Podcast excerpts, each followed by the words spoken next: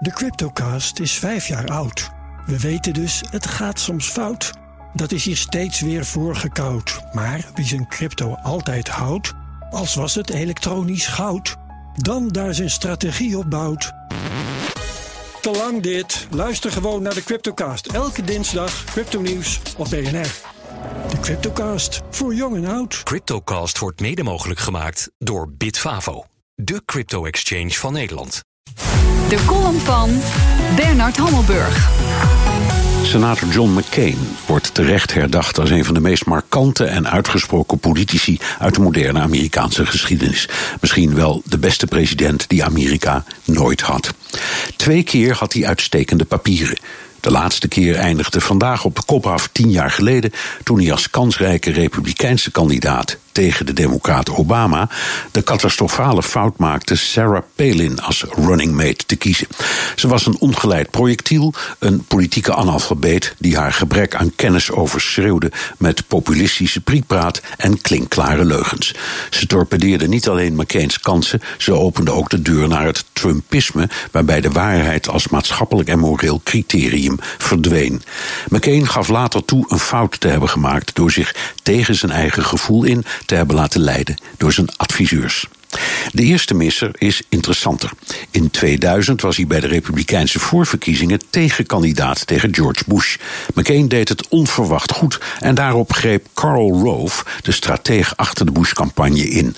Rove verspreidde het gerucht dat McCain een onecht zwart kind had en dat McCain onder psychiatrische behandeling was en dus instabiel. Het werd een dag of wat groot nieuws, totdat de media de waarheid publiceerde. McCain en zijn vrouw hadden uit idealistische overwegingen een meisje geadopteerd uit Bangladesh. En inderdaad was McCain na bijna zes jaar als gemartelde krijgsgevangene in Vietnam in therapie geweest. De episode ging de geschiedenis in als Karl Rove's fluistercampagne en betekende het einde van McCain's kandidatuur. Het is een schoolvoorbeeld van fake nieuws, pure karaktermoord, zonder Russische inmenging en van Twitter had nog nooit iemand gehoord. Zou McCain zonder die fluistercampagne de republikeinse kandidatuur in de wacht hebben gesleept? En zou hij de toenmalige democratische kandidaat Al Gore hebben verslagen? Geen idee natuurlijk. Maar de kans is groot dat de traditionele liberale vleugel van de republikeinse partij niet was platgewalst onder het geweld van het religieus-populistische fanatisme en de xenofobie van nu, inclusief het fake motto America First. Het getuigt van bewonderenswaardige mildheid dat John McCain, behalve Barack Obama, George Bush heeft gevraagd een grafrede te houden. Die fluistercampagne van 2000 ten spijt.